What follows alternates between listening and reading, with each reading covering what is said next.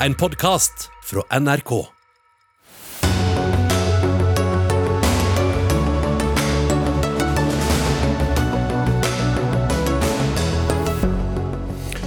Akademia til frontalangrep på egen statsråd.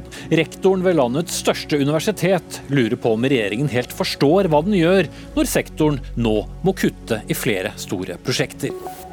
Arbeiderpartiet på Stortinget har latt seg overtale av eget ungdomsparti. Nå vil de gi 16- og 17-åringer stemmerett. Det er og blir en dårlig idé, ifølge Unge Høyre. Han drepte fem på Kongsberg i fjor høst. I dag sier han at han angrer. Påtalemyndigheten vil dømme ham til tvungen psykisk helsevern. Og pensjonistene får nå en høyere prosentvis økning i pensjonen enn industriarbeiderne får i lønn. Er de fornøyd i år, mon tro?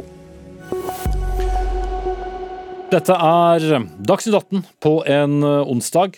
Jeg heter Espen Aas. I denne sendingen skal vi også snakke om kutt i skogvern, og om Tyrkias forsøk på å stikke kjepper i hjulene i prosessen med å få våre to naboland inn i Nato. Men vi starter med hjemlige forhold. Ord som sjokk, angrep og en komplett katastrofe for det norske folk. Det er reaksjoner etter at regjeringen i forrige uke varslet om full opprydning i det den kaller en um, alvorlig økonomisk situasjon i Forskningsrådet. I samme åndedrag valgte minister for statsråd for forskning og høyere utdanning, Ola Borten Moe, likså godt å kaste hele styret til Forskningsrådet. Striden til som er knyttet til kastingen av styret skal vi komme tilbake til, men Forskningsrådet er uansett essensielt når det handler om høyere utdanning, for det er via der pengene kommer. Svein Stølen, du er rektor ved Universitetet i Oslo, og i et intervju med Universitas så sier du at du sitat ikke skjønner hva regjeringen vil. Ja, Det ser vel først og fremst ut som de vil spare penger? Ja, kanskje det er det de vil, men jeg savner jo da en helhetlig plan for forskning og høyere utdanning. Og For meg så handler jo det om et kutt i Ocean dette Ocean Space Center i Trondheim, ikke sant, som var på hoppkanten og er et veldig viktig nasjonalt prosjekt. Det handler om STIM EU, som instituttsektoren er helt avhengig av for å lykkes i, i Europa. Og det handler om Forskningsrådet, hvor grunnforskningen kan bli veldig skadelidende med det vi ser nå. Så jeg, jeg, jeg, ser kuttene, men jeg ser kanskje ikke helt den helhetlige planen. og For meg så handler jo dette om de 250 000 nye arbeidsplassene vi trenger for å opprettholde velferdssystemet. Det handler om det å være, ha det kunnskapsgrunnlaget, den beredskapen som er nødvendig når en ny krise treffer oss, som ved pandemien. Og det handler om livsviktig forskning, som, eh, hvor våre sentre for fremragende forskning f.eks. jobber med kreftens akilleshæl og ser hvordan du kan bruke det til å lage nye Eh, du kan sikkert dra en kjempelang liste med uh, gode formål for forskning, men skal ikke regjering som er ansvarlig for offentlige budsjetter være de som bestemmer, og ikke forskningsinstitusjonene selv? Selv om dere selvfølgelig mener mye om hvor mye penger dere skal ha? Jeg tror jeg må ha lov til å utfordre regjeringen når vi ser at vi i motsetning til veldig mange andre land i Europa og andre deler av verden ikke satser på kunnskap. Jeg mener jo at kunnskap er det som kommer til å skape framtidens næringsliv. Det er det som skal til for å sikre beredskap for samfunnet samfunnet. Og Da tror jeg nok at en rektor må ha lov til å utfordre og si at her satses det ikke nok. Vi må være like offensive som resten av verden. Mm. Ansvarlig statsråd skal straks få svare, men jeg bet meg merke i én ting i det intervjuet i Universitas. For du etterlyste statsminister Støre, og da leste jeg det som at du mener han kanskje forstår noe som ikke ansvarlig statsråd forstår? Nei, det er mer at dette er en regjering, så dette er jo ikke enkelt, uh, hver enkelt statsråd. Så jeg ble vel utfordra på, på, hva skulle si, tilbakemeldinger til statsråden, som jeg gjerne gjør. Men jeg er jo opptatt av at dette er regjeringens politikk, ikke en enkelt statsråd. Mm. Men det er det altså du som er satt til eh, å jobbe med, Ola Borten Moe, eh, høyere utdanning og forskningsminister i omvendt rekkefølge fra Senterpartiet. Men Stølen er ikke den eneste rektoren som har eh, reagert siden kuttene ble kjent. Det har flere andre også gjort. Er det en nedprioritering av denne sektoren, eller har de selv misforstått? Jeg tror det kan være greit å legge på plass riktige premisser for debatten. Fordi at På de eh, tingene som gjelder området mitt, altså det jeg har konstitusjonelt ansvar eh, for, så er det ikke kutt. Det er ikke sånn at vi bruker mindre penger i år eh, enn vi har gjort eh, tidligere.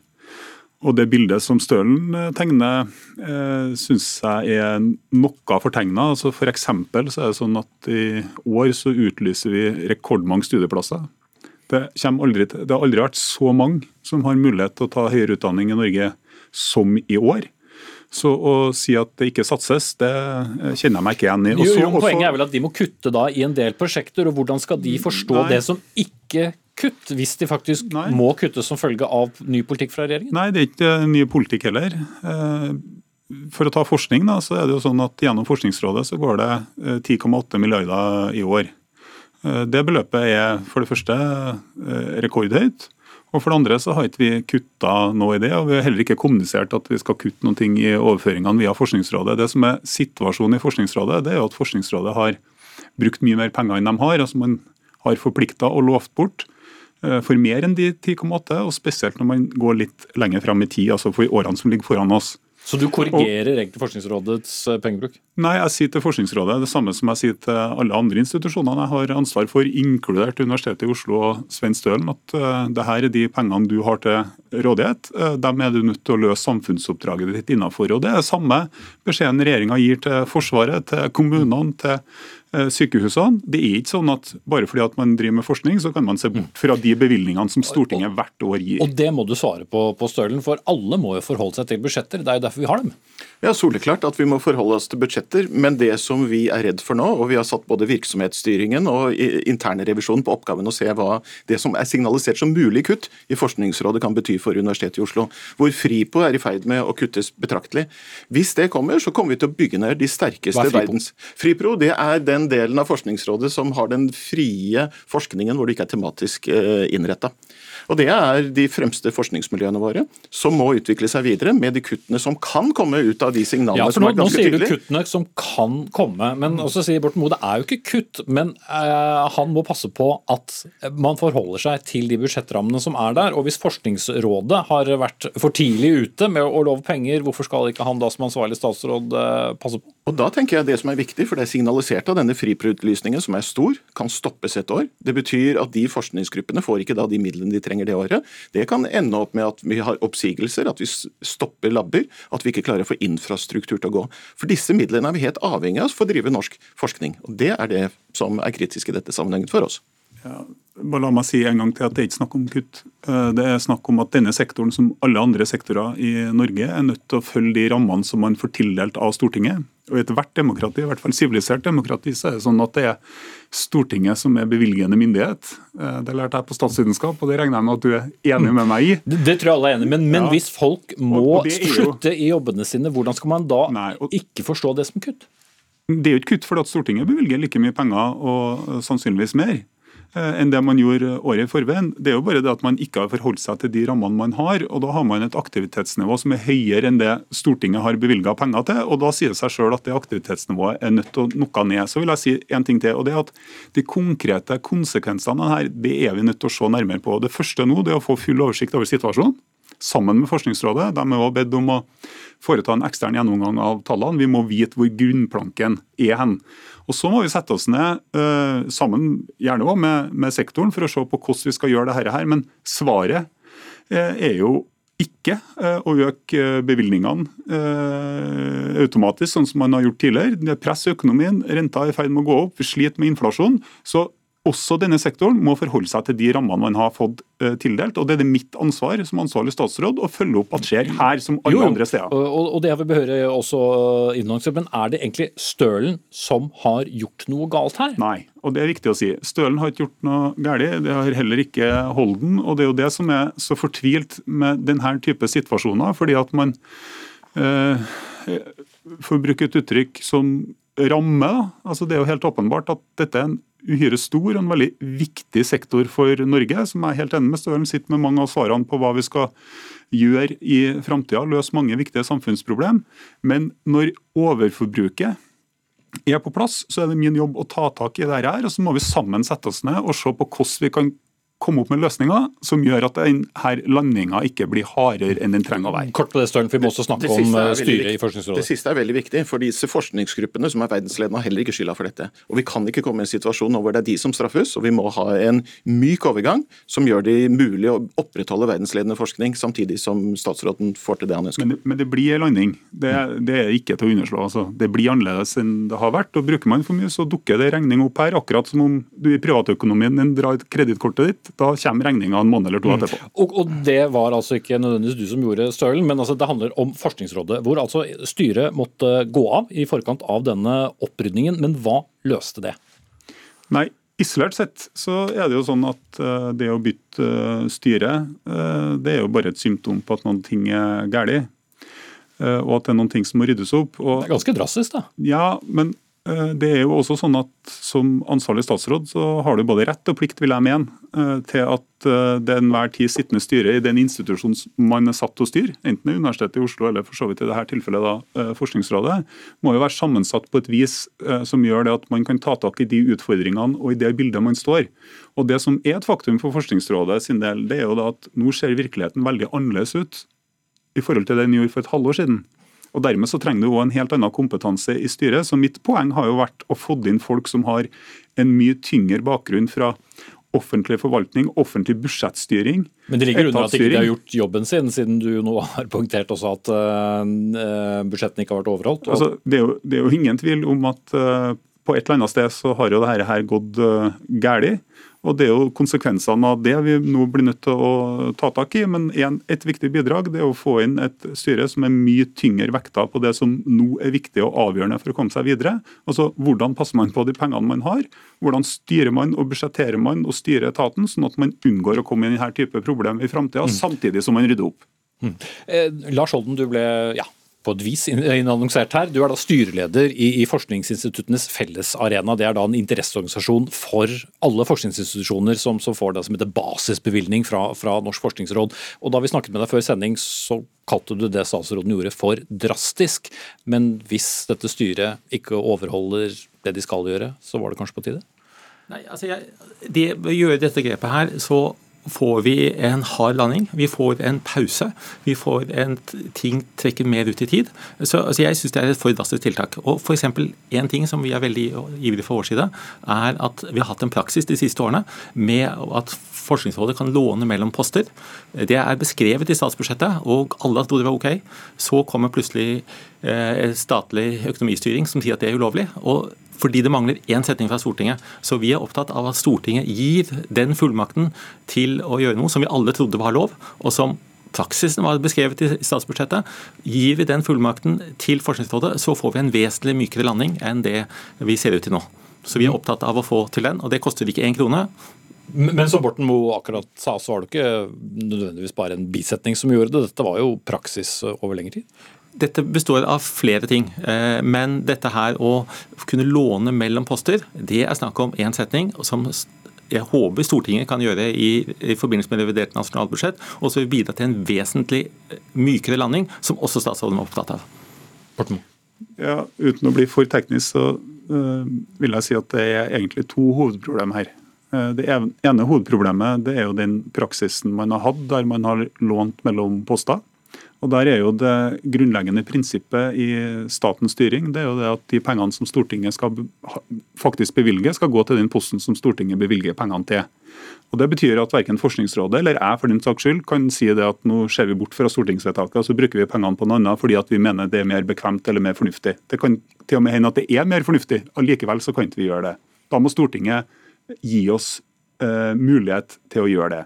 Så kan det hende at det er noe av løsninga, men hovedproblemet her eh, det vil jeg si er at Selv om du ser på Forskningsrådet under ett, altså den totale aktiviteten, med plusser og minuser mellom ulike poster og kapittel, så er det fremdeles store eh, minuser eller negative avsetninger. og det vil jo si at Selv om man hadde gjort dette, så ville fremdeles Forskningsrådet hatt enorme økonomiske utfordringer som er nødt til å løses i årene som kommer, rett og slett fordi at man har brukt for mye penger. For du får ikke mer penger selv om du bytter rundt på budsjettet?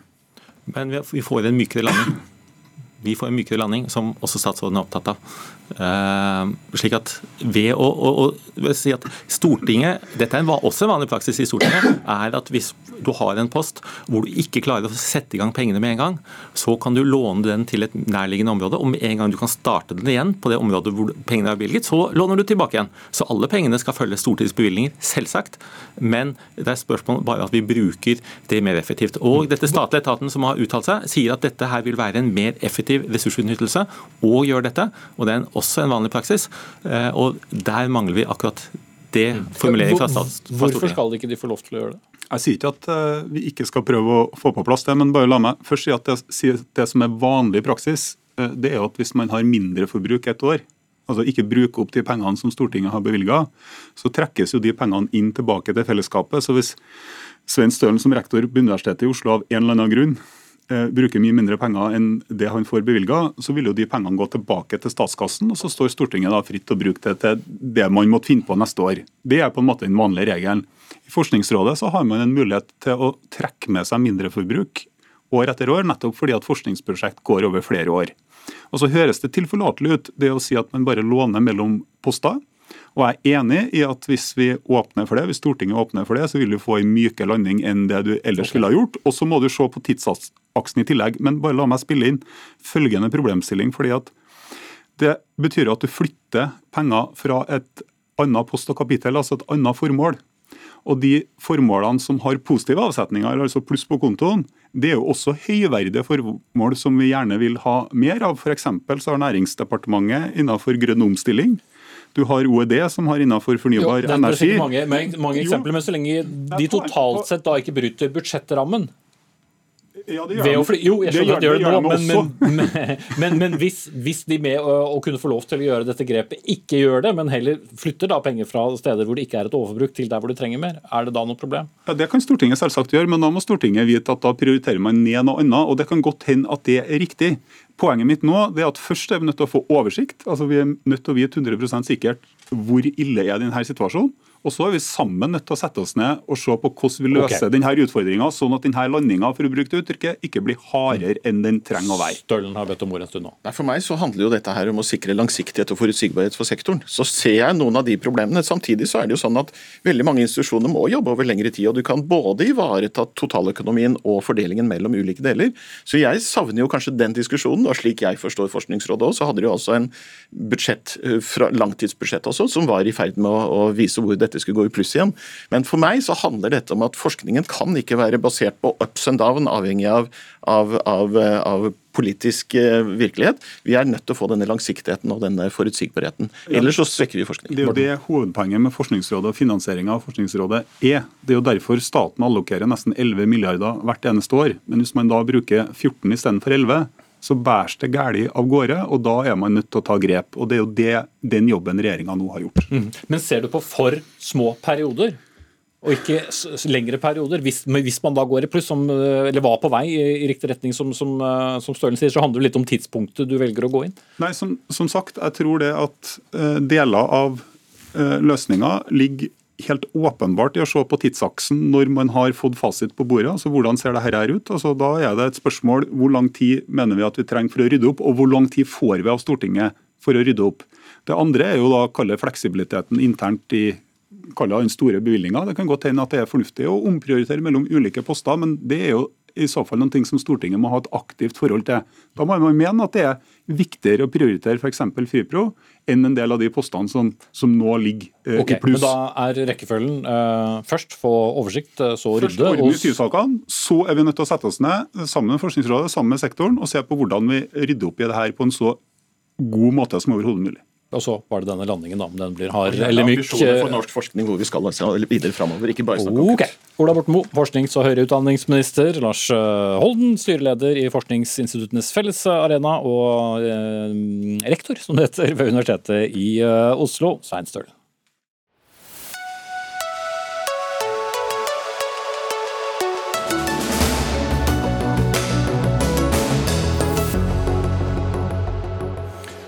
Etter mange år med press fra sitt eget uh, ungdomsparti, har Arbeiderpartiets stortingsgruppe nå vedtatt å foreslå å senke stemmerettsalderen til 16 år ved kommune- og fylkestingsvalg. Ikke stortingsvalg, altså. Vedtaket ligger per dag ikke an til å få flertall på Stortinget, for alle partier skal få si sitt. Men dersom det hadde fått flertall, ja, så kunne vi fått 130 000 flere stemmeberettigede her i landet, men de trenger vi ikke hvis du skal tro dere i Unge Høyre, Ola Svenneby, hvor du er leder. Mm.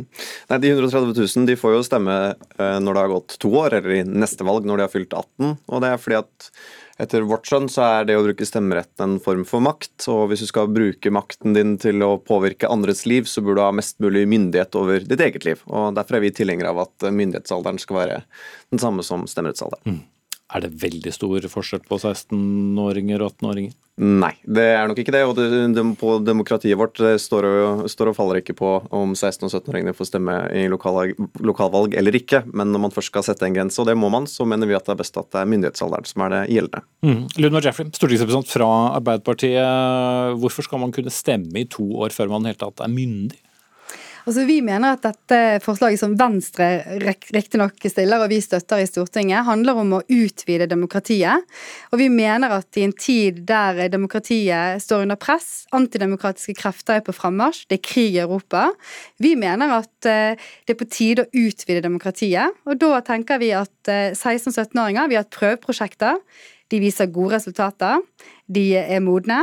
De stemmer likt med oss andre. Eh, og de benytter seg av stemmeretten. Og da mener vi at eh, det er en eh, bra måte til å gi de makt i sitt eget liv. Nettopp det med makt, det trenger også 16-17-åringer, tenker vi i Arbeiderpartiet. De har jo makt over mange andres liv òg, da. Og du gjør jo noe med vektingen, gitt at 16- og 17-åringene velger å stemme, selvsagt. Unge er jo ikke så glad i å stemme når alt kommer til alt. Nei, men dette er ikke en diskusjon om eh, valgdeltakelse først og fremst. Jeg er helt enig at det er også noe vi må se på. Vi må ha økt valgdeltakelse i alle aldersgrupper. Mm, men tenk på vektingen. altså Hvis du plutselig dytter inn uh, opp mot 130 000 unge, så kan jo det få ganske store konsekvenser ja, samtidig... i kommuner og fylkeskommuner. Ja, men vi vil jo at unge, unge mennesker også skal være med å påvirke livet sitt og påvirke hverdagen sin sin. Altså Det er kommunepolitikere og fylkestingspolitikere skal velge hvor skoler skal ligge, de velger fritidstilbud. Og det er rett og rimelig at unge er med og bestemmer over det. For det, eh, I dag så er det en aldrende befolkning i Norge, så det betyr at det er flere som er eldre som har stemmerett. Og det er også vi som er godt voksne som sitter og styrer både nasjonalt og lokalt. Og vi vil at flere unge skal være med og si hva de mener, rett og slett ved å bruke stemmeretten sin. Mm. Men det mener ikke dere? Ja, jeg synes også synes Forslaget er litt sånn Dere får være med litt, men dere får ikke være, være med nesten. Jeg ville egentlig hatt mer sansen for hvis man først skulle redusert stemmerettsalderen, at man hadde sagt du får stemmerett når du er 16, du får stemmerett i alle valg, og du får også lov til å, får også lov til å representere din egen aldersgruppe. For det forslaget som nå ligger på bordet, man får jo ikke stemmerett i nasjonale valg, hvor ganske mange beslutninger som påvirker nettopp 16- og 17-åringene eh, tas. Og, men ikke minst så får man heller ikke lov til å velges. Eh, og da syns jeg det er litt rart at man på den ene siden sier at dere er er eh, voksne nok til å stemme, men vi skal likevel liksom holde noen privilegier borte fra dere. Ja, skal, skal, du være representant, så må du fortsatt være 18. Ja, men hør her. At det er land der det er 16 års stemmerettsalder. Østerrike er blant annet ett av de. Eh, der du kan stemme ved 16 år, men du må være 18 for å bli valgt inn. Og så tenker jeg at dette er jo eh, noe nytt. Vi har hatt prøveforsøk ved kommune- og fylkestingsvalg. Det er derfor vi går for dette nå. Og så tenker jeg at valgbarhet er noe vi må vurdere. Det er noen som er for det på Stortinget. Arbeiderpartiet sier at dette må vi komme tilbake til. Og det er også andre steder i Europa der da du må være 40 år for å stille til valg, men du kan stemme på det når du er 18, da. Så det at jeg ikke nødvendigvis tilhenger av det, men jeg tenker at vi prøver først, gi stemmerett først, og så kommer vi tilbake og diskuterer valgbarheten senere. Mm. Men hvis vi går til dette med politisk engasjement, som veldig mange ungdomspolitikere er eh, bekymret eh, for, at man ikke bryr seg, vil ikke det å faktisk gi unge litt mer makt kunne stimulere til det. Da. Du kan faktisk få lov til å stemme, og det betyr noe, ikke bare ved skolevalg. Jo, det kan hende. Jeg tror ikke vi skal, eller tror ikke jeg i hvert fall skal avvise det helt. Men når man har evaluert det, eh, de forsøkskommunene fra 2011 til 2015, så eh, finner man vel egentlig ikke ut så veldig mye utover at de stemmer stort sett det samme som foreldrene gjør. Valgoppslutningen er ganske høy, og da er vi egentlig inne på det som er det største problemet etter mitt skjønn eh, hva gjelder at unge blir hørt, og det er at unge slutter å stemme når de er 19, 20, 21, 22. Og det den evalueringen fra 2015 også vis, 2016 også viste, er at de som var i forsøkskommunene, eh, ikke stemmer i større grad enn de som ikke var det når de fyller 20, 21, 22 og 23. Så jeg mener at det er viktig at man øker engasjementet blant unge. Jeg tror bare ikke at man liksom halvveis gir rettigheter til noen 16- og 17-åringer i lokale kommunevalg, kommunevalg og eh, fylkesvalg, er det som kommer til å øke det engasjementet. Men, men sant, igjen, dette er ikke en diskusjon om valgdeltakelse. Jeg mener det er en viktig tema å diskutere. Vi må sørge for at flere, og spesielt de unge, i større grad bruker stemmeretten sin. Men dette handler jo først og fremst om en debatt om utvidelse av demokratiet. Om vi ønsker at flere mennesker i samfunnet vårt skal være med å påvirke, og i dette tilfellet da være flere av de yngre. Det er det dette temaet handler om. Og så vet vi at ja, 18-åringer, 19-åringer, 20-åringer, de stemmer eh, mindre. Det handler ofte om at man blir student, man flytter fra hjemkommunen. Dette her er jo kjent tematikk, og der er jo det muligheter å gjøre ting og ta strukturelle grep som gjør at det er lettere å bruke stemmeretten sin når du også er student. Jeg er ikke enig i at dette handler om en utvidelse av demokratiet. for Det er som om 19-, 16- og 17-åringene er ekskludert fra å delta i demokratisk arbeid i Norge i dag, og det er det ikke. Og igjen eh, så har du også partier på Stortinget som ville foreslått at de også kunne bli valgbare, at de også kan stemme ved nasjonale stortingsvalg, og jeg mener faktisk at det hadde vært en bedre ja, løsning. Jeg syns det er litt rørende da. Jeg synes jo det er litt rørende at du er veldig opptatt av at ikke de blir valgbare, når ikke Høyre eller Unge Høyre i det hele tatt er verken for å utvide stemmeretten eller valgbarheten. Ikke den en av de i det hele tatt. Men, men det er greit. Jeg skjønner at du ikke har så mange andre gode argumenter da, Det- mot stemmerett. Ja, blir jeg nesten litt uh, rørt av hvordan uh, stortingspolitiker snakker til uh, ungdomspolitiker her. Eller ble egentlig det. Lubna Jeffrey, stortingsrepresentant eh, fra Arbeiderpartiet og eh, leder av Unge Høyre, Ola Senneby. Takk skal dere ha.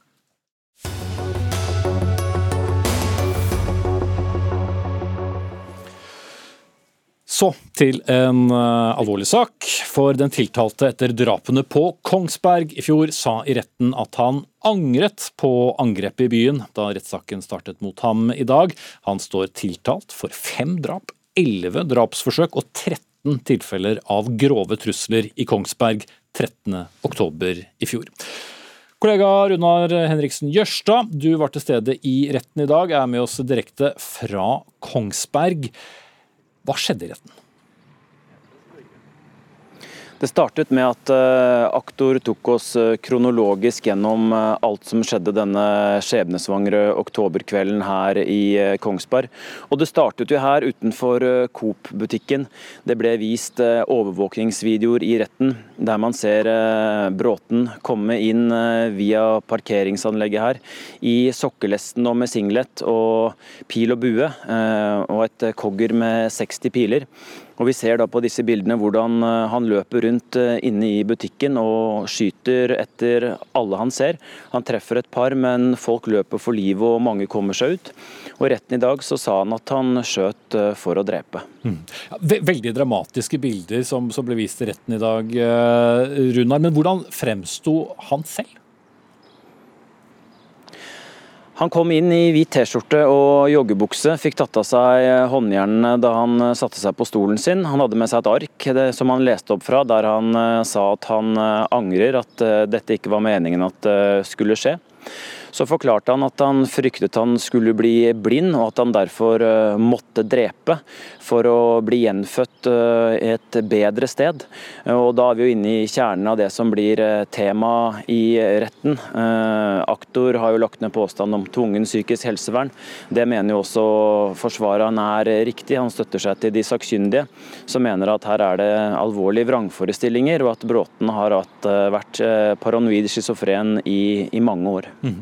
Martin Aurdal, kommentator i Dagbladet. Dette er jo liksom essensen. Vi, vi står foran en rettssak hvor en tilsynelatende da syk mann i slutten av 30-årene går rundt i sokkelesten, tungt bevæpnet, og forsøker å ta livet av folk. Får vi noe svar på hvordan noe sånt kan skje? Det er jo det store spørsmålet, Espen. Vi har jo her å gjøre med en, en, sak hvor det store spørsmålet er et spørsmål om syke, for det er motivet som bestemmer hvordan vi skal vurdere denne saken. og, og Den er jo uansett en av de mørkeste dagene i Kongsbergs historie. Men om det var politisk motivert, ville det jo vært en terrorhandling, og han skulle dømmes til en lang fengselsstraff. Men syke er uskyldige i vårt rettssystem, og her er så langt alle parter innstilt på en, en dom på tvungent psykisk helsevern. Og så er jo dette en mann som har vært i tett kontakt med politiet og psykiatrien gjennom veldig mange år. Han har vært tvangsinnlagt flere ganger. PST har blitt varslet om han. Politiet har hatt bekymringssamtaler med ham og har varslet helsevesenet om han. Og da er jo selvfølgelig spørsmålet hvordan kunne dette skje? Og jeg må si jeg syns det er en svært viktig debatt som bl.a. den erfarne psykiateren Randi Rosenquist har reist i forbindelse med denne saken, om nedbyggingen av langtidssykeplasser i psykiatrien har gått for langt. og i Bråtens tilfelle kunne han jo da velge bort eh, videre psykiatrisk oppfølging, selv om det ble eh, anbefalt eh, for ham. For, for det fortvilende ved den detaljerte gjennomgangen i dag er jo at dette i det hele tatt er mulig. Mm. Men Runar Henriksen Jørstad, likevel så skal jo da tiltalte forklare seg, og denne, denne angeren som han viste til i sin egen forklaring, hvor, hvor troverdig virker den med, med, med det bakteppet han selv forklarte? Han har jo erkjent de faktiske handlingene, men forsvareren hans sier jo i dag når vi spør at han vet ikke om han faktisk eh, skjønner rekkevidden av, av det han har gjort.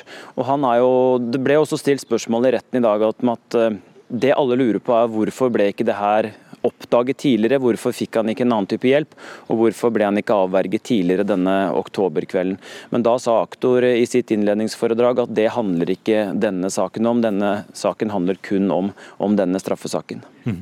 Og Martine Aurdal, eh, en kommentar du har skrevet eh, som ble publisert eh, på, på Dagbladet nå ettermiddag, så sier at det er en del ubehagelige spørsmål som rett og slett må stilles rundt psykiatrien her i landet. For det er jo ikke første rettssak hvor man snakker om psykisk syke mm, hos folk som enten har begått drap eller har forsøkt å begå drap. Men hva, hva er såret vi må, må stikke fingeren i?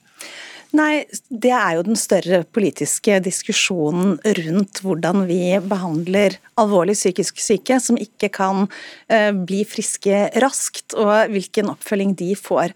Både av hensyn til dem selv, uh, og, og, av hensyn til samfunnets behov for beskyttelse mot de som kan være en fare for andre.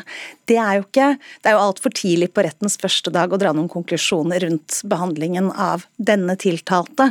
Og selv om statsforvalteren i Oslo og Viken mener at det finnes mangler i behandlingen av Bråten, så har jo ikke statsforvalteren funnet uh, noe veldig kritikkverdig uh, i den. Uh, så jeg syns jo egentlig at det mest interessante diskusjonen kanskje er den som går videre og utenom mm. Et, etter rettsprosessen? Etter denne rettsprosessen, hvor rettssaken kan være startskudd for en bredere debatt rundt den utviklingen som vi har sett over de siste årene i psykiatrien, der altså antall uh, sengeposter har blitt uh, uh, gått fra 2,5 til 0,8 Eh, per 1000 innbyggere på 30 år, der vi ser at de statlige institusjonene eh, bygges ned og selges ut til fordel for eh, akuttplasser, og hvor folk skal fort inn og fort ut. En diskusjon vi hadde senest i forrige uke her i Dagsnytt 18. Hva skjer videre i retten i morgen, reporter Runar Henriksen Jørstad?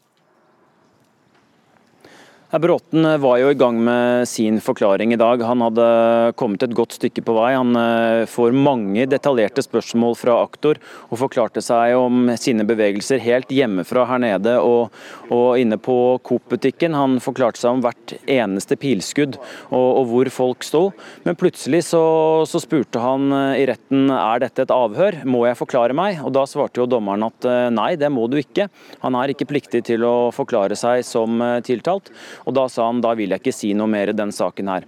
Men så var det jo tydelig at uh, det er et stort ønske om å få han til å fortsette sin forklaring i uh, morgen. Både om det som skjedde videre her inne på Coop-butikken, også nede i Hyttegata.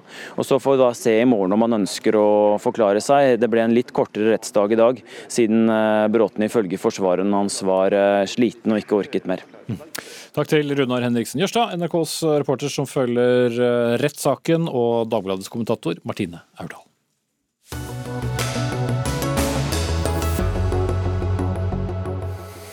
Det skapte internasjonale overskrifter da Tyrkia valgte å blokkere første trinn i den formelle Nato-prosessen for våre naboland Sverige og Finland, og dermed så får ikke Nato-ambassadørene begynt på prosessene med å behandle de to landenes medlemssøknader slik det var planlagt. For Tyrkias president Erdogan sa i ettermiddag at Sverige ikke bør forvente at Tyrkia godkjenner denne søknaden uten at det returneres terrorister, som han sa underforstått medlemmer av det kurdiske arbeiderpartiet, PKK, som er terrorstemplet i Tyrkia og i EU og i USA, men ikke i Sverige og Norge. Simen Ekern, vår korrespondent i Brussel, som dekker også Nato. Hvordan reageres det på i Nato at Erdogan forsøker å trenere denne prosessen?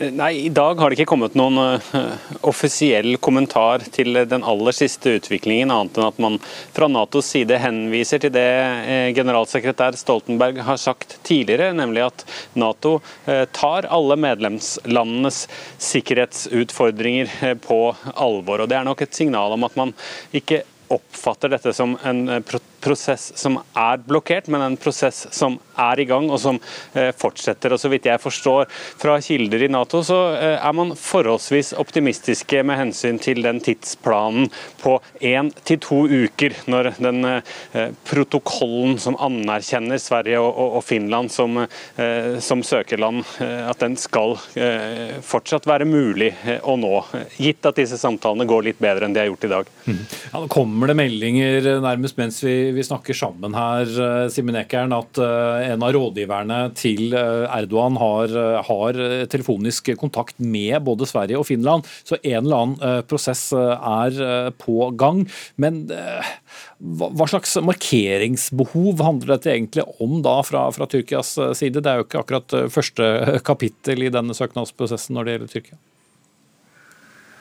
Nei, det er jo ikke det. Og, og spør man Erdogan, så handler dette ikke om markeringsbehov, men snarere om legitime sikkerhetsbehov, som uh, Tyrkia har luftet i Nato-sammenheng i en årrekke. En følelse av at det ikke er tilstrekkelig med eh, respekt og anerkjennelse for eh, Tyrkias eh, vurderinger av hva slags trusler som rammer landet. Så Dette er jo noe man har snakket om der veldig lenge, og så dukker da denne anledningen opp. Nok en anledning til å ta opp dette, denne misnøyen i Nato. Det er jo da ikke ingen hvilken som helst anledning, men en anledning som betyr svært mye for de andre Nato-landene, og som, som dermed setter denne situasjonen på spissen, som er er en situasjon eh, Erdogan tidligere i andre sammenhenger også har vist at han trives eh, godt med, når, eh, når han kan eskalere en sånn diskusjon, vel vitende om at det er helt avgjørende for dem han diskuterer med, å komme fram til en løsning innen en gitt frist. Mm.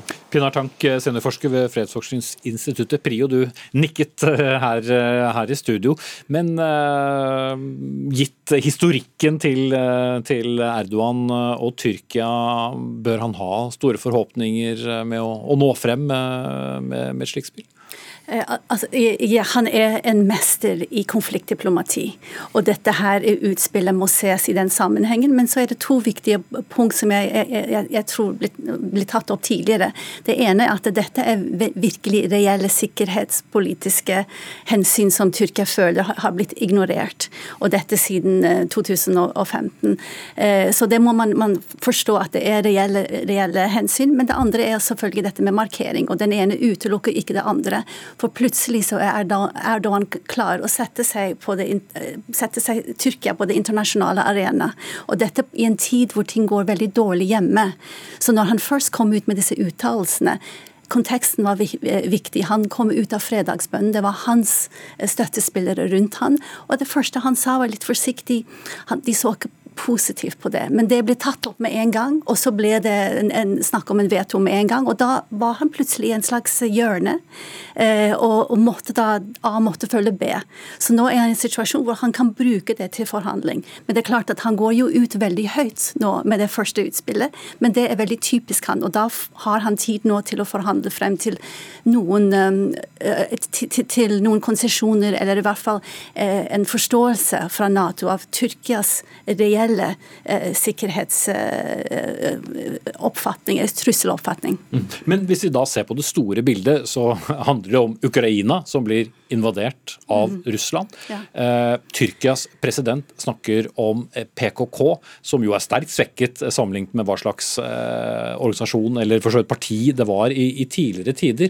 Kan det ikke fremstå som noe smått at han da er opptatt av hva var det, 33 eh, personer som befinner seg i, i, Sverige og Finland? Ja, men det er, det er en større bakteppe til dette her. fordi PKK er PKK i Tyrkia, men de er linket opp mot PJD i Nord-Syria. Og der har kurderne klart å skape en, en selvstyre som bygger, bygger, bygger på den PK, PKK sin ideologi. Så det er klart at alt er linket opp mot alt. Så sånn sett så ser han på kurderne som styrket, og han ser på diasporaen også som styrker uh, dette her selvstyreprosjektet i, i, i Nord-Syria. Samtidig så har han òg Russland han må forholde seg til. For Russland er uh, den som, som i engelsk sier vi the kingmaker ikke sant, i Nord-Syria. Så han må også balansere sine interesser. Men til syvende og sist er det et spørsmål om skal Tyrkia i fremtiden uh, være nærmere en styrket Nato eller en svekket Russland. Mm. Eller er det andre alternativer som kan også dukke opp? Og alle Nato-landene må jo til sjuende og sist eh, være enige, da. Simen Eckern, eh, blir det nå en, eh, en, forsinket prosess, der jo for så vidt Sverige og Finland vel føler de har litt dårlig tid? Ja, Det kan det jo bli, men denne fristen som man har snakket om da for denne protokollsigneringen som jeg nevnte, to uker, eller eh, mellom én og to uker, har det blitt sagt tidligere. Der er altså signalene, så vidt jeg skjønner, at det fortsatt er eh, mulig. Men det kommer jo an på hva som skjer eh, de nærmeste dagene. Og så er det jo denne ratifiseringsprosessen som igjen kan ta enda lengre tid. Og da vil nok mye avhenge av hva man kommer fram til i disse innledende samtalene. Om man da kan lene seg tilbake og, og, og puste ut og si at nå tror jeg at vi har Tyrkia med på dette. Eller om man blir eh, sittende i, i månedsvis og lure på hva eh, Tyrkias neste trekk er, før Sverige og Finland endelig blir formelt medlem, potensielt da en gang til høsten. Simen Ekern, korrespondent i Brussel, og Pinar Tank, seniorforsker ved Fredsforskningsinstituttet PRIO her i studio. Takk skal dere ha.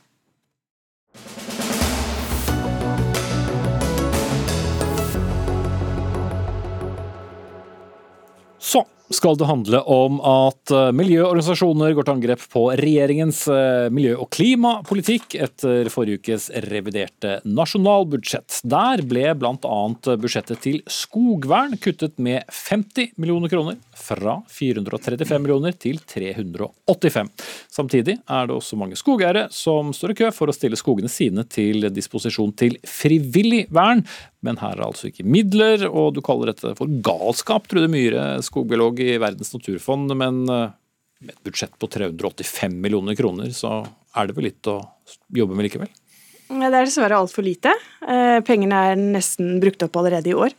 Så at ifølge Miljødirektoratet hadde vi trengt et dobbelt så stort budsjett for å få betalt ut alle de skogeierne som nå står i kø, eller vil komme inn i køen i løpet av året. Mm. Men uh, for folk som uh, først og fremst da bruker skogen til rekreasjon, altså hva er den praktiske konsekvensen, mener dere? Det er jo at de områdene som burde vært verna, blir hogd isteden. Fordi at uh, mange skogeiere får nå avslag på ønsket sitt om å verne skogen som naturreservat. Og statsforvalterne har begynt å si nei i mangel av penger, for det har vært mangel av penger i mange år. Skogvern har gått på sparebluss i veldig mange år fordi at budsjettet har vært for lavt. Så det nye kuttet nå er jo dramatisk. Heldigvis er det bare et forslag, så vi håper jo da at eh, Stortinget og SV kanskje kommer til å rette opp kuttet. Men eh, sånn at det er dramatisk i utgangspunktet. Vi hadde håpa på en økning vi, i revidert nasjonalbudsjett for å få unna den køen. fordi at eh, alle de som nå står i kø og venter på å få erstatning, de fortjener jo egentlig en rask og rettferdig erstatning. Mm. Og få betalt for skogvernet. Alexander Røren Heen, statssekretær i Klima- og miljødepartementet. Var det dette som var meningen? da? Altså, Skogvern er jo en pott som er skalerbar, og vi er inne i en tid der vi trenger å redusere offentlig pengebruk. Da er dette en post som går an å trekke ned, og den er òg enkel å øke opp hvis en senere skulle ha behov for det. Så, men får det ikke konsekvenser, som Myhre akkurat påpekte? Jo, det er klart du får verna mindre skog, eh, men du får jo òg konsekvenser. Eh, altså Den veksten som har vært i tømmerpriser, gjør jo òg at en får verna mindre skog. Så nå får en jo ja, men det var akkurat det jeg skulle til å altså... si. Hvordan var da logikken, når du ikke har fått mer betalt for å hogge skog på mange år enn det du gjør nå, og så sier dere ja, men vi skal verne mindre? Vi sier at vi skal gå gjennom ordningen. eh, og blant annet så er jo Mye av disse pengene knyttet opp til å betale Statskog for å ikke hogge skog. Altså Staten betaler staten for å la være å hogge. Det må vi klare å finne en ordning på. 270 av de millionene er tenkt til Statskog. Eh, Så det må vi prøve å klare å løse på en annen måte. Det tror jeg òg Men så var det Myhre er alle de i. andre skogeierne da, som vi nevnte innledningsvis. Hvis du får valget med om å vente og se at dere utreder det, eller du kan hogge skog og tjene gode penger, hva, hva tror du du vil? vi, vi trenger jo skog, og så må vi ta vare på den skogen som har verneverdier, og der det er arter som trenger at vi har vern. Og Da har jo en til nå brukt skogvern som et områdevern for å liksom beskytte alt som, som lever der, selv om det kanskje kan være én eller to eller færre arter som trenger det vernet. og Da må vi se om vi kan ha mer treffsikre ordninger for å ta vare de artene som trenger den beskyttelsen. Der er vi i dialog nå med eh, bl.a. skogeierorganisasjoner for å se på det. Og I tillegg så er det jo sånn at eh, det har òg blitt verna veldig mye skog som mest sannsynlig aldri hadde blitt hogd, fordi det ligger så eh, utilgjengelig til. Og vi er òg nødt til å se på de kriteriene som ligger til grunn. Ja, det er bare tull, for det er en myte i skogbruket om at det er masse skog som står og verner seg sjøl, og rett og slett er så utilgjengelig til at ikke det blir, eh, blir ødelagt. Men problemet er jo at Landbruksdepartementet har jo millioner av kroner hvert år til å bygge skogsbilveier og, og sponse hogst inn i nettopp sånne områder som egentlig ikke lønner seg å hogge. Og I tillegg så har du all annen utbygging med vannkraft og vindkraft og hytter og hele pakka. Så det finnes ikke noe skog som bare står og verner seg sjøl. Så det, Jo, det er jo det bare tull. og Et eksempel er jo min heimkommune, der kommunen fikk betalt for å la være å hogge skog. Jeg tror jo ikke at eh, Parkvesenet hadde rykka ut og hogd skog fordi han hadde lyst til det. Eh, Så det, Ja, det er mange, mange eksempel, som blir hogd, det er mange eh, år, på at en har verna skog som ligger veldig utilgjengelig til. Eh, Og det er jo òg mye av den skogen som blir tilbudt fra skogeierne, er jo skog som en får bedre betalt for å tilby staten enn å ta den ut til, til fornuftig bruk eh, som eh, tømmerproduksjon er. Vi trenger mer fornybare ressurser. Tømmer er løsning på veldig mye av det vi jobber med. Både Det høres ut som du mener at denne ordningen ikke er så god overhodet. Jeg mener at ordningen er, eh, kan bli bedre. den Han kan bli mer treffsikker, han kan bli billigere for staten, og vi kan ivareta det som ordningen er meint å ivareta på en eh, bedre måte som koster mindre. Eh, Og Da må vi gå gjennom det. Og vi må slutte å betale vår egen stat eh, og flytte penger mellom departement for å oppnå de målsettingene som ligger. Trude Myhre. Det er helt klart at vi må verne mer skog i lavlandet nær folk, der det er størst mangler i skogvernet. Men da kan vi ikke kutte i budsjettet samtidig. For de eh, nære områdene som er lett tilgjengelige og har høy produktivitet, det er også de dyreste områdene å verne. Til nå har vi verna en del områder som har vært utilgjengelige eller langt fra folk, men de er ikke trygge i utgangspunktet, så de må også vernes. Vi er nødt til å gjøre begge deler.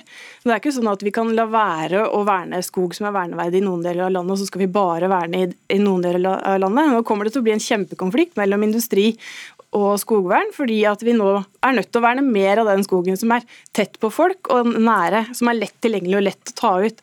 Så det er helt klart at Skogvernbudsjettet må økes, både fordi vi har verna for lite, det er et etterslep, en kjempekø av skogeiere som står og venter på erstatning, og det er, til, det er høyere tømmerpriser, og vi må ha verne mer av den produktive skogen, skogen, som koster aller mest. Til slutt, eh, Hen, eh, Norge vedtok for seks år siden å verne 10% av skogen. I dag er det 5% som er eh, vernet. Det er ikke så lenge igjen til eh, 2030 hvor vi skal nå dette målet. Hvordan syns du dette går?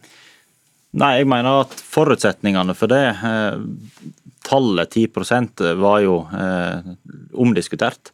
Jo, jo, En- en- men det ble jo vedtatt. Ja, det ble vedtatt. eh, Men det som er viktig med det vernevedtaket til Stortinget, er jo nettopp de verneverdiene. Og det jeg prøver å si, er at det er flere veier fram til å ta vare på dem, enn nødvendigvis å ha et stort områdevern som skogvern er. Så vi er nødt til å ha en mer treffsikker ordning. Vi må slutte å betale staten for å ikke hogge sin egen skog. Ok, der sa du det igjen, som man roper i skogen osv. kanskje. Alexander Ørnhen, statssekretær i Klima- og miljødepartementet, og Trude Myhre, skogbiolog i Verdens naturfond.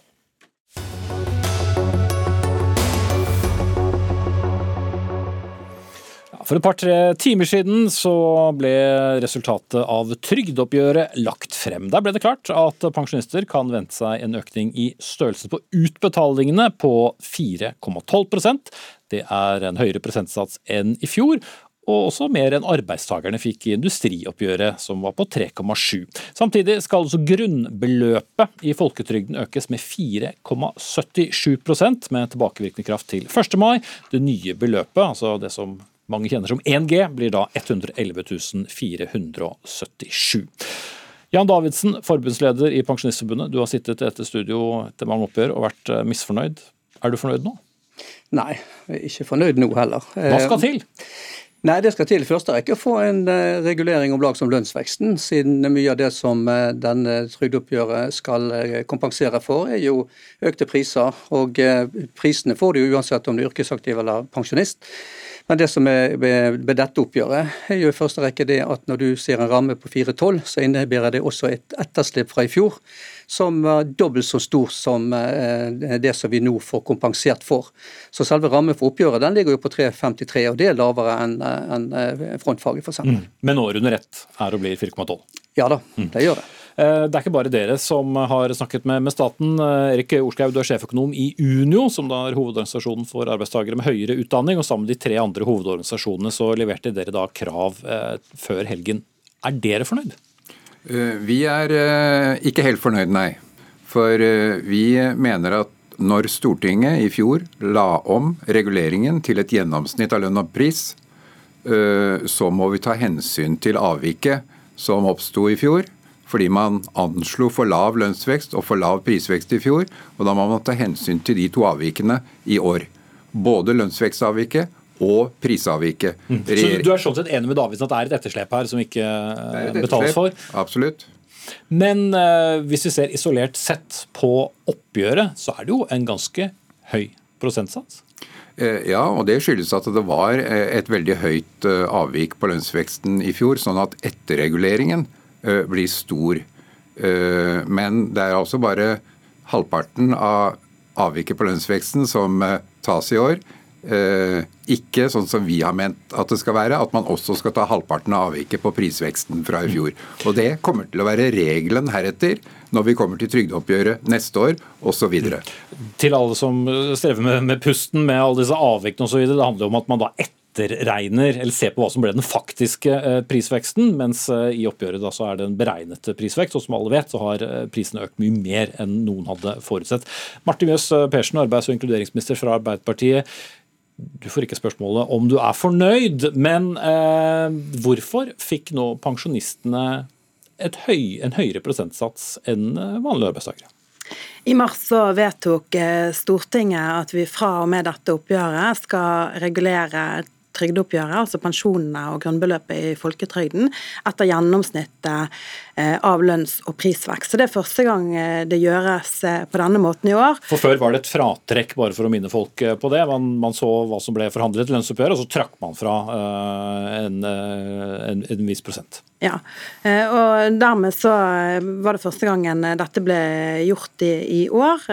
Og det skal også gjøres i de oppgjørene som kommer. Og Grunnen til at jeg mener at det er en veldig god idé, er jo at eh, tidligere så risikerte pensjonistene jo å eh, å henge etter. At hvis, selv om det ble et eh, godt lønnsoppgjør, så eh, fikk ikke pensjonistene det, liksom til gode ja, av det. Da. Det, det var de for, for, foregående oppgjørene, men nå sier Så dermed så er dette en god måte å gjøre det på, og, og vil sikre i fremtiden. Og, men er du enig med dine to uh, sideherrer i, i studiet om at uh, man tar ikke igjen det etterslepet som er det? Det er jo eh, slik at I fjorårets eh, oppgjør så var det jo eh, lønnsveksten som lå til grunn. Og, og da er jo det som da tas igjen på etterslepet i år, det er lønnsvekst. Men for neste år så vil jo både lønns- og prisvekst legges til grunn, også for etterslepet. Ja, men det jevner seg ikke helt ut? Nei, men eh, Det er vanskelig å anslå prisveksten eh, i, midt i et år. Eh, og Dermed så gjøres jo det en etterregulering for året etterpå. Men grunnen til at det var lønnsvekst i år, er fordi at fjorårets oppgjør tok utgangspunkt i lønnsveksten, mens for neste år vil det da være lønns- og prisvekst som er. Og Grunnen til at man ønsker at dette skal være regelstyrt, er jo at både fremtidige pensjonister og dagens pensjonister skal ha en trygghet i å vite hva pensjonen faktisk mm. blir.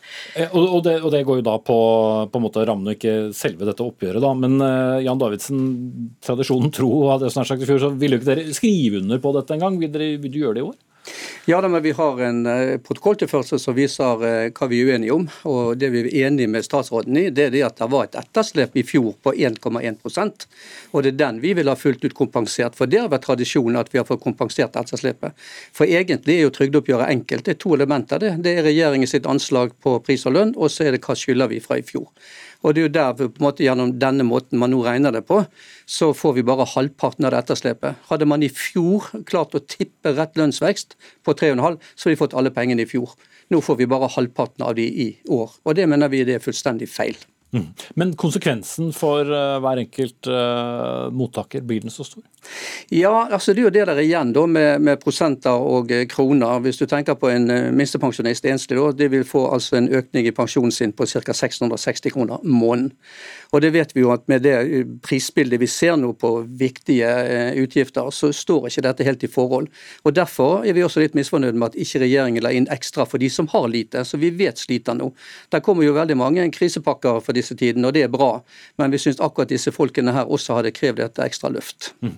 Uh, uh, skal man godta dette, eller uh, må, må, SV ta kampen med Arbeiderpartiet og Senterpartiet i budsjettforhandlingene? Vi håper jo at trygdeoppgjøret nå blir en del av de budsjettsamtalene som er på Stortinget, og da er det jo SV, Arbeiderpartiet og Senterpartiet skal snakke med først. Så det kan bli resultatet at det blir en etter, en ekstra etterregulering her, eh, hvis, eh, hvis SV prioriterer dette.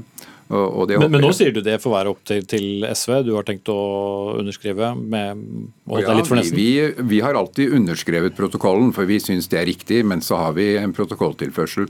Altså, det er som statsråden sier, dette er et regelstyrt uh, måte å regulere pensjonene på.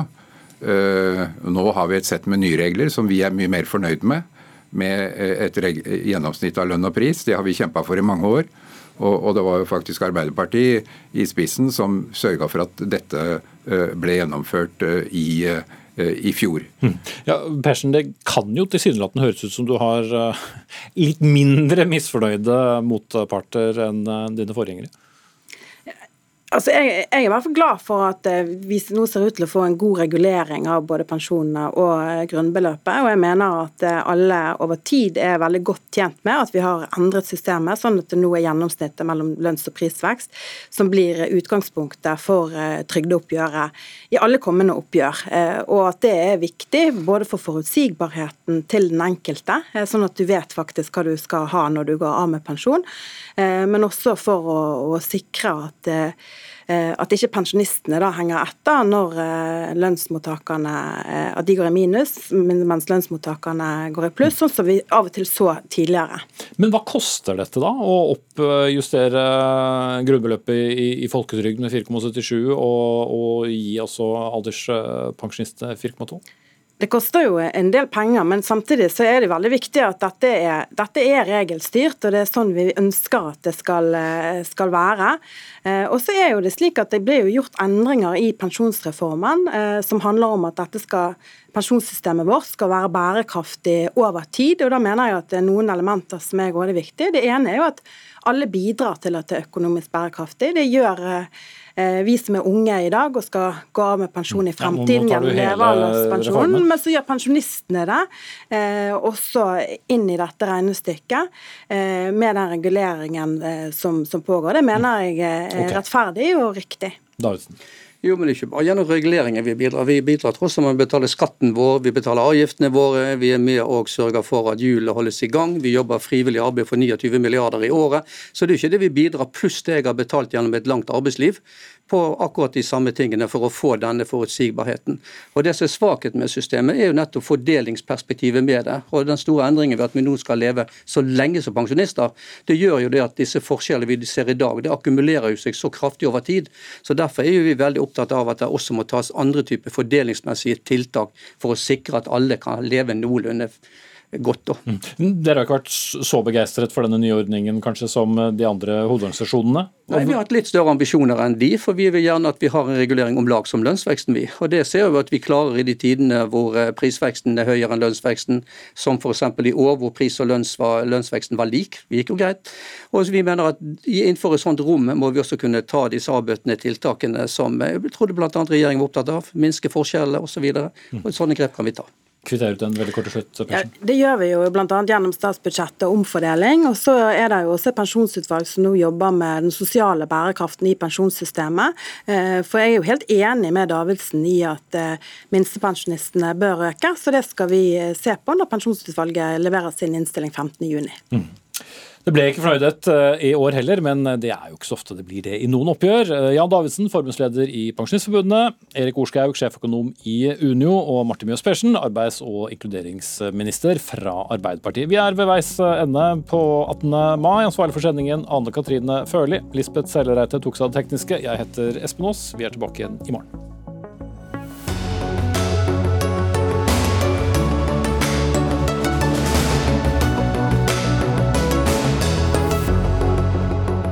Du har hørt en podkast fra NRK. Hør flere podkaster og din favorittkanal i appen NRK Radio.